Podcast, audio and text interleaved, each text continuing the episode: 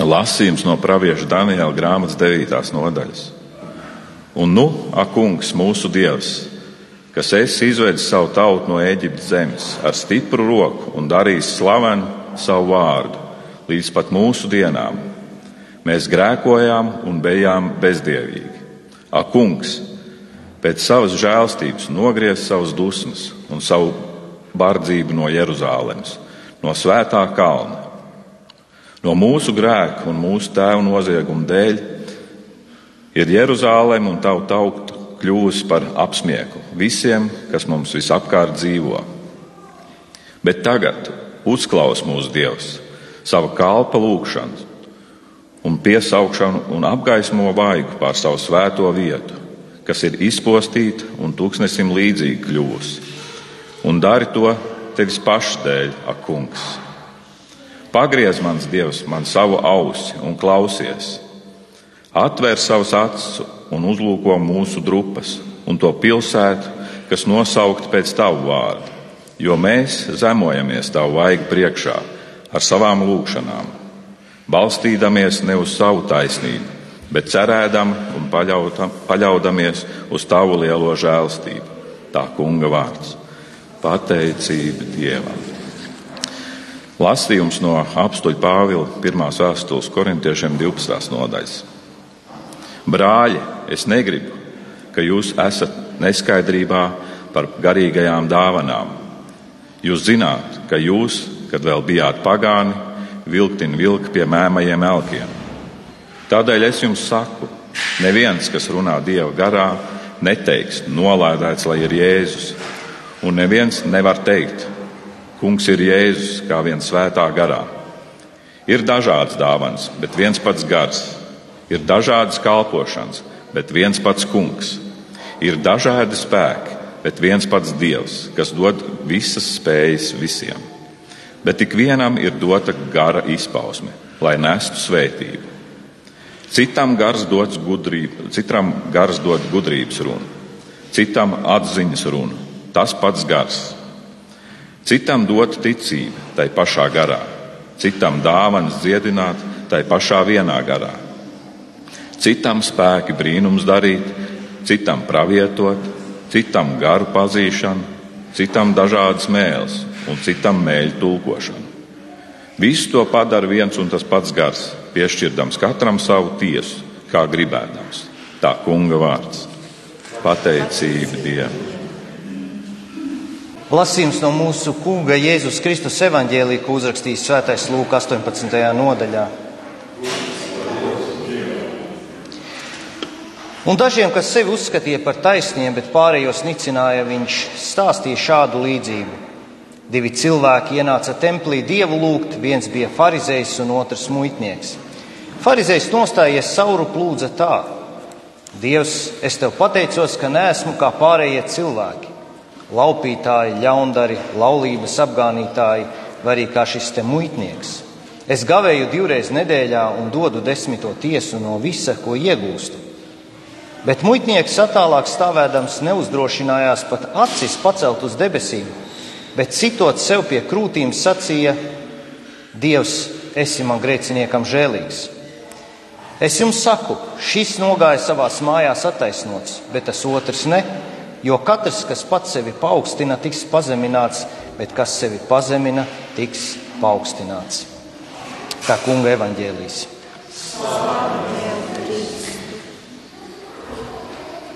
Mēs lūdzam, nāc svētais gars un atver mūsu sirdi šim tavam dzirdētam vārdam, ka tas tur paliek un nes bagātīgus augļus.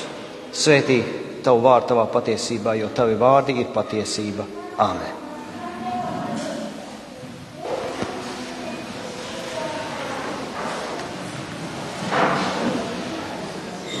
Ir kādas uh, lielas biznesa kompānijas, kuras, kad tās pieņem darbā kādus augstas līmeņa um, vadītājus, viņi tiem neļauj kādus trīs mēnešus sanāksmēs neko teikt. Liek, lai viņi klusē un klausās. Uh, un tā galvenā doma, kas tur ir apakšā, kāpēc viņi tā dara, um, ko domā šie uzņēmuma vadītāji, kas viņus pieņem darbā, Viņi domā tā, nu, mēs jau zinām, ka jūs esat gudri, jo mēs jau jūs esam pieņēmuši darbā. Un uh, parasti šie jaunie vadītāji, kā saka, vai lec no biksēm ārā, lai sevi pierādītu, lai parādītu, cik nu viņi ir labi vadītāji, bet taisni šis, ka viņi neko nevar teikt un viņiem vienkārši jāklausās, tas viņiem palīdz no tā, nu, tā atbrīvoties. Un otrs, kas ir svarīgs pie šīs domas, ka šiem jauniem vadītājiem ir svarīgi apgūt jaunos apstākļus, iepazīt uzņēmumu, tā darbības principus, paklausīties to, ko stāsta kādi citi vadītāji, kam jau ir daudzu gadu pieredze šajā uzņēmumā, lai viņi var mācīties. Un es domāju, ka tas ir diezgan kristīgs princips, kad Pāvils pamāca Timoteju kāds kristietis ir derīgs bīskapa amatam, tad viņš saka, ne jaunatgrieztam, lai viņš neuzpūstos un nekristu vēlna tiesā. Tātad ne jaunatgrieztu nevar aicināt bīskapa amatā vai kādos varbūt citos amatos vai lielā kalpošanā. Un arī Lutera akadēmijai ir nosacījums trīs gadi. Divi, trīs gadi, cik, cik jābūt ir draudzē, aktīvam draudzes loceklim, tikai tad var iestāties Lutera akadēmijā, kas vēl ir četri gadi. Um, te man es mēģināju sameklēt bildīti Korintas draudzēji, un arī pārsvarā es runāšu par um, jaunās derības lasījumu vēstuli korintiešiem. Ja mēs skatāmies uz Korintas draugu, tad tur izskatās, ka tur nav īsti neviens nobriedis kristietis. Viņi visi ir atgriezušies, bet tie īsti nesaprot, kā dzīvot šo jauno dzīvi, kā jaunpiedzimušiem kristiešiem Un tie turpina darīt lietas, ko tie ir darījuši līdz šim. Un tad tur notiek baigais bardaks dievkalpojumos, un uz to Pāvils reaģē, gandrīz visa pirmā vēstule korintiešiem viņš viņus aizrāda un, un dod visādus norādījumus, kā nav labi darīt. Un te arī šajā raksturvietā mēs mazliet nolasīšu kādus pantus pēc brīža.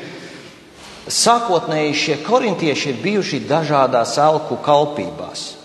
Un izskatās, ka tiem ir sajukums un nesaprašana tieši saistībā ar gara izpausmēm, ko mēs saucam arī par gara dāvanām. Un iespējams, ka viņi piegāja šai lietai līdzīgi, kā tie iepriekš piegāja elku kalpošanai, jo viņi citu neko nezina. Iespējams, ka daudzi piedaudzījās un teica, nē, nē, šitā nevar. Tas bija šādi bija pie elkiem, tā mēs darījām. Un tāpēc Pāvils arī saka šos vārdus Brāļi, es negribu, ka jūs paliktu neziņā par gara dāvanām. Jūs zināt, ka toreiz, kad vēl bijāt pagāni, jūs ar lielu spēku viltim vilka pie mēmajiem elkiem. Tādēļ es jums daru zinām, neviens, kas runā dieva garā, nesaka lāsts jēzumu. Un neviens nevar teikt, kungs Jēzus, kā viens svētajā garā. Ir dažādas dāvanas, bet tas pats gars, ir dažādas kalpošanas, bet tas pats kungs, ir dažādas spēka izpausmes, bet tas pats dievs kas visu visā rosina, bet ik vienam tiek dota gara atklāsme kopīgam labumam. Tātad, lai dotu tādu saprāšanu un drošību šiem korintiešiem, Pāvils dod viņiem divus testus, lai viņi var pārbaudīt, ka šīs gara izpausmes tiešām ir autentiskas, ka tās nāk no svētā gara. Un kas tad ir šie divi testi?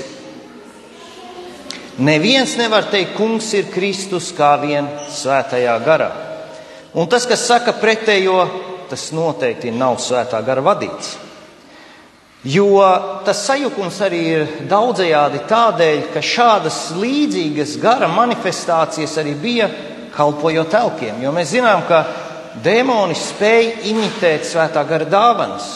Un bez, gara, bez svētā gara, bez gara atpazīšanas ir ļoti grūti to izšķirt un pateikt, kas tas ir. Otrā lieta mērķis, kam šīs gara izpausmes tiek lietotas un ka, ar kādu motivāciju tās tiek lietotas. Es runāju par garu dāvanām. Tātad pirmais kungs ir Kristus, un viņš noteiks, kā es to lietošu. Un otrs no septītā panta, bet ik vienam tiek dota gara atklāsme kopīgam labumam. Tātad motivācija darīt nevis lai es paceltu, izceltu, pasargātu vai vēl kādas labas lietas, kas saistīts ar mani pašu, kas lietoju šīs dāvanas, bet gan šī motivācija ir, lai kalpotu draudzēji, lai kalpotu kopīgam labumam, lai kalpotu Kristus miesai. Un tad tālāk Pāvils uzskaita, kādas ir šī gara izpausmes, kādas ir šīs svētā gara dāvanas. Un mēs varam domāt eh, par mūsdienu kristiešiem, ka mūsdienu kristieši bieži vien nonāk līdzīgā situācijā, līdzīgā situācijā kādā bija korintieši. Varbūt mums nav tik liels sajukums par gara izpausmēm, kaut gan arī brīžiem mēs baidāmies no šīm izpausmēm, jo arī mēs nesaprotam brīžiem, vai tās ir autentiskas, tāpat kā korintieši. Un mēs šeit arī varam pielietot šos divus Pāvila dotos testus. Mūsdienās liela daļa kristiešu arī dara līdzīgi kā korintieši. Tie piedzīvo dievu, tie tic Kristum un tie turpina dzīvot kā līdz šim. Un tas liekas normāli. Nu, es tā kā nāku, iesvētos Kristos, un tad es aizēju atpakaļ savā dzīvē, un īstenībā nekas nav mainījies. Nu, protams, ka kaut kas ir mainījies, un mēs esam piedzīvojuši izmaiņas, bet um, cik mēs ļaujam Dievam pārveidot mūsu dzīvi. Un parasti Dievs to apgriež ar kājām gaisā. Nē, īstenībā ar kājām uz zemes, jo pirms tam tā bija kājām gaisā. Um, es domāju tieši tos aspektus, kur tiek paturēti elki, kur kristietis dzīvo savu dzīvi, kļūstot par kristieti, tas dzīvo kā tas mācīja līdz šim, un turpina kalpot dažādiem elkiem, mūsdienu elkiem. Un iespējams, ka viens iemesls tam ir, ka arī draudzē, draudzēs kopumā kristīgā pasaulē ir maz nobriedušu kristiešu, kuri spētu vadīt šo jauno kristieti, ka tas varētu dzīvot tāda jaunpiedzimuša kristieša cienīgu dzīvi. Šīs lietas ir ļoti daudz saistītas ar vecajiem elkiem. Un kas tad ir šie mūsdienu elki? Es varbūt neiedziļināšos pārāk daudz, kas ir šie elki, jo mēs tos ļoti labi pazīstam. Nu, piemēram, pasaules mīlestība, pasaules atzinība, tā konkurē ar Kristus atzinību. Ko teiks cilvēki, ko tie padomās, ja tie uzzinās, ka es esmu kļuvis aktīvs kristietis ar pilnu jaudu? Viņi teiks, fanātiķis. Mūsdienu sabiedrība, ja cilvēks iet katru, pat katru svētdienu uz dievkalpojumu, jau saka fanātiķis. Norma ir uz Ziemassvētkiem. Tad ir viss kārtībā. To sabiedrība akceptē. Um, kādu laiku jau tā var paslēpties un rādīties kā mērens pasaulīgs kristietis, bet kristieša sirdī ir jābūt piesietai Kristum. Citādi tā piesiesies elkiem. Un ja tā nevar no kādiem, no kādiem pagātnes elkiem atraisīties, tad jānāk pie Kristus, kas atraisa, atbrīvo, dziedina. Un ja mēs vērojam tā uzmanīgi rietumu kultūru, mēs saprotam, ka šīs divas lietas, pasaulīgums un kristīgā ticība, viņa kļūst ar katru dienu ar vien nesavienojamākas. Mēs dzīvojam laikā un telpā, kur īstenībā apgriezienus uzņem viens globāls reliģisks konflikts, aiz kā seko sadursme dzīvesveidā, domāšanā. Un tas, kas sadurās ar kristīgās ticības vērtībām, tā īstenībā ir reliģiska sistēma, kas ļoti ātri pārņem pasauli, un tā ir ļoti antikristīga. Um, Nevien tā ir pret Kristu, bet pret visām kristīgām vērtībām un pret kristīgu domāšanu. Un ļoti grūti varbūt vienā vārdā to visu savilkt kopā, jo mēs apmēram saprotam, kas pasaulē notiek. Bet tas ir neomarksisms, neomarksisms vai ultraliberālisms, vai nu, dažādos vārdos viņu var nosaukt. Jūs tur redzat, brīvības statu ir nogāzta, jo tā atņem visas brīvības. Un tad tur ir viss, caur ko tas darbojās. Marksa galva kaut kur tur ir redzama. Pretim ticībai stājusies uz marksisma pamatiem balstīta ideoloģija, kas ir līdzīga tādam ļoti radikālam sociālismam un komunismam. Nu, mēs viņu varam saukt par neomarksismu.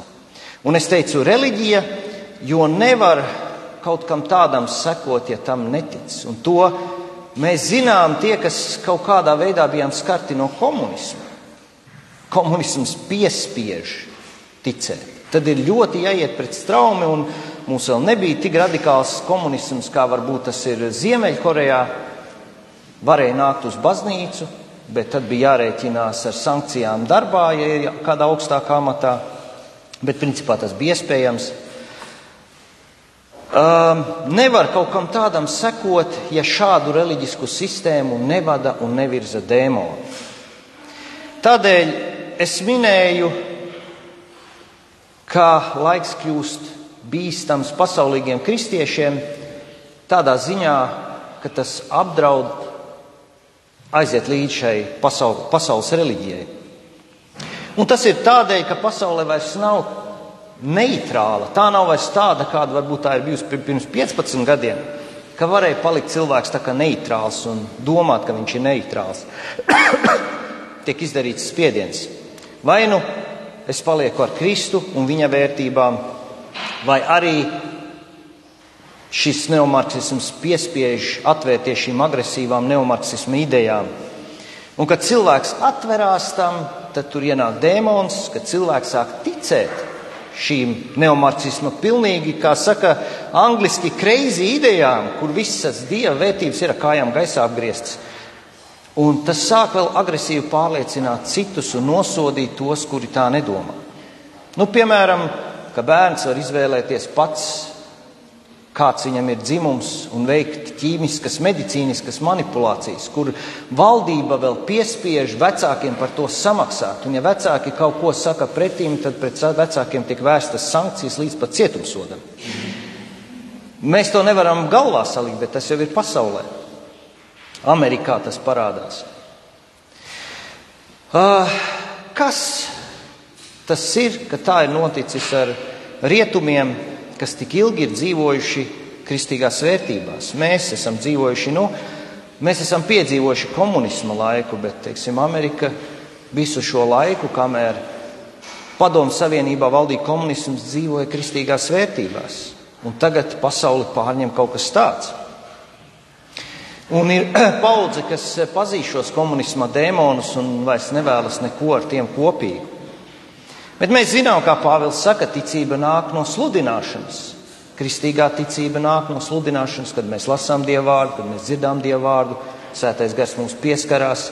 Līdzīgi arī tiek sludināts šis neomarksisms, un tur darbojas dēmoni, jo tie, tie jau neko jaunu nevar izdomāt.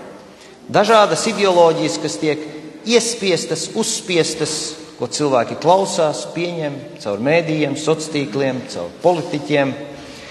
Un brīžiem mēs nevaram atšķirt, kas tajās ir labs un kas nē. Un mums, kā korintiešiem, tas ir jāpārbauda, vai šīs lietas nes Kristus vērtības un pagodina Kristu, vai tās ceļ un kalpo kristīgai draudzē, Kristus miesai, baznīcai. Un šodien mēs zinām, ir debates par Stambulas konvenciju, vai ratificēt to vai nē. Un, ja tajā konvencijā iedziļinās, tad tā vēlas pārveidot sabiedrības domāšanu vispār attiecībā uz cilvēku, uz dzimumu, uz identitāti un piespiest valdībai to īstenot. Tad šo ideoloģiju vēl ar likumu, likumu spēku, kas saka, iefiltrēt sabiedrībā. Mēs, kristieši, lai mēs un mūsu bērni neiekristu šajās lamatās, Mums ir jālasa Bībele. Tik vienkārša lieta. Mums ir jālasa Bībele. Jo Bībele atklāja Dievu, Dieva raksturu, ka mēs viņu iepazīstam. Un tā nav vienkārši lasīšana. Lasot Bībeli, Svētais gars darbojās uz mums. Svētais gars atver Dieva realitāti caur Bībeli. Svētais gars atver patiesību, vērtības, ko dod Dievs. Tā rāda patieso ceļu tā rāda Kristu. Mums ir jālūdz svētajā garā un jāpulcējās kopā un jālieto svētā gara dāvanas, jeb šīs svētā gara izpausmes. Un svētā gara dāvanas daudz kristiešu domā, ka tā ir tāda luksusa lieta, ka tas ir tāds, nu, tiem kaut kādiem izredzētiem kristiešiem. Mēs dzirdējām, ikvienam, ikvienam ir dota gara izpausme. Un kāpēc tās ir jālieto? Nu, mēs zinām daudz rakstietas gan par talantiem, kādas pēc tam ir sekas, ja nelieto. Bet svētā gara dāvanas šī laikā mums ir vajadzīgas vairāk nekā, nekā nekad, jo tās atmasko, tās likvidē vēlnu melus, to darbus, atraisa no važām tos, kas ir vēlnu saistīti, dziedina nevienu miesu, bet arī dvēseli un garu, un ļoti daudzas dod virzienu, dod dieva atziņu. Nu, ļoti daudz jūs varat redzēt, kas tur ir uzskaitītas ka vēlniem pie mums nepaliek neviena aizķeres punkta, kur tie mūs var aizāķēt un nogremdēt. Mums tikko bija draudzes nometne rindā, un mēs četras dienas runājam par Sālamanu. Tur jūs varat redzēt kādus faktus par Sālamanu bagātību. Es vienu slaidu no, no šiem mūsu tām, tām lekcijām ieliku šeit. Izrēla ziedu laiki bija, kad valdīja ķēniņš Dāvids un Salamana valdīšanas sākums. Bija ekonomisks, teritoriāls, garīgs uzplaukums. Tika pārvest derības šķirsts un augstā līmenī slavēts un pielūgts tas kungs, uzcelts dievam templis, templī iemājoja dievs. Un tad, kad vēlāk, jau vēlākos gados Salamana valdīšanā, Salamans pārkāpa vairākus dievu baušļus, kas bija teikts īpaši ķēniņiem. Uh, un tur bija, tā, es esmu pārlecis kaut kur. Nav. Jā, viens slaids pazaudēja Salamans sievas. Man bija bildīt, kur ir daudz, daudz, daudz Salamans sievas un Salamans tāds smaidīgs tur pa vidu. Uh, viņam bija tūkstots sievas. Un šajā mūzus bauslībā, ko mēs varam izlasīt, ja nemaldos, 4. mūzes grāmatā, kur ir teikts, negādāt sev daudz sievas, nekrāt daudz bagātību, netirgoties ar zirgiem, ar ēģipti. Ja mēs lasām pirmo ķēniņa 11. nodaļu, mēs redzam to visu konsekventi Sālamans pārkāpa. Rezultāts bija tāds, ka Sālamana sievas pavedināja Sālamanu kalpot citiem dieviem, un Sālamans savukārt pavedināja visu tautu. Un Izraels sašķēlās, elgdievība uzņēma apgriezienus, sekoja posts, bija dažādi uzbrukumi no citām tautām, kur Izraels nespēja turēties pretī. Templis, kur mājoja Dievs, Izraēla tautas vidū tika nopostīts, kā Dievs var mājot pie tautas, kas pielūdz elkus. Un mēs arī dzirdējām, ko Ivars lasīja vecajā derībā, Daniela grāmatā. Mēs dzirdējām Daniela vaimans. Izraels bija aizvests um, Babilonijas trimdā, un galvenais iemesls tam arī bija baušļu pārkāpums. Daudz baušļu pārkāpumu, bet viens konkrēts sabata neievērošana, ka Izraela tauta nedeva zemē atpūsties ik pa septiņiem gadiem, un tai vajadzēja visu šo laiku, ko tā nedēva zemē atpūsties, iet uz trimdu, lai dieva zeme var atpūsties. Tas, ko es šodien vēlējos pateikt, ka ar vien krasāka un pamanāmāka paliek plaisa starp pasauli un Kristu ka ir jāizšķirās pēc iespējas ātrāk, ko mēs mīlam vairāk - pasauli vai Kristu. Jo, ja mēs varējām abus mīlēt kādu laiku, tad tas paliek ar vien neiespējamāk. Jā, Kristus dēļ būs jācieš, bet ja mēs mīlam Kristu, mēs to darām ar prieku un pat spējam par to priecāties, lai cik tas dīvaini neizklausītos. Mēs varbūt dzird, esam lasījuši apstuļu darbos, kur Sinedrija priekšā apstuļi liecināja par Kristus augšām celšanos, un viņi dabūja pērienu, kārtīgu pērienu. Un viņi iznāca ārā priecīgi, ka viņi varēja ciest Kristus dēļ. Kas tas ir? Varbūt mums tas vēl nav pazīstams, bet uh, tas ir svētā gara darbs, un tas ir. Tas, tas iet kopā, ja mēs saprotam, kas ir Kristus un ka mēs viņa, viņa dēļ varam ciest. Tas ir milzīgs gods. Un otra lieta - Kristus visās ciešanās, netaisnībās, pārdarījumos, viņa vārda dēļ, Varbūt pat arī mūsu muļķības dēļ viņš ir līdzās kopā ar mums. Un viņš saka, ka svētīgi ir tie, kuri cieši Kristus vārda dēļ, jo Kristus vienā brīdī visu šo ļaunumu, visas šīs briesmas, izvērtību, zaimošanu, viņš apstādinās un iznīcinās. Grēks, vēlni, nāves vairs nebūs. Arī to mēs lasām atklāsmes grāmatā. Būs Kristus un tie, kas viņu mīl. Vēl ir žēlastības laiks. Šobrīd vēl ir laiks, kad vislielākais Kristus pretinieks un zaimotājs var atgriezties un saņemt atdošanu un apžēlošanu. Bet izskatās, ka šis laiks strauji iet uz beigām. Tāpēc jautāsim Dievam, kā Viņš mūs, kas jau piedaram Viņam, vēlas lietot. Kā tu Dievs vari un vēlies man lietot? Nu, par varēšanu tur varbūt nav runa. Kā tu vēlies man lietot Dievs?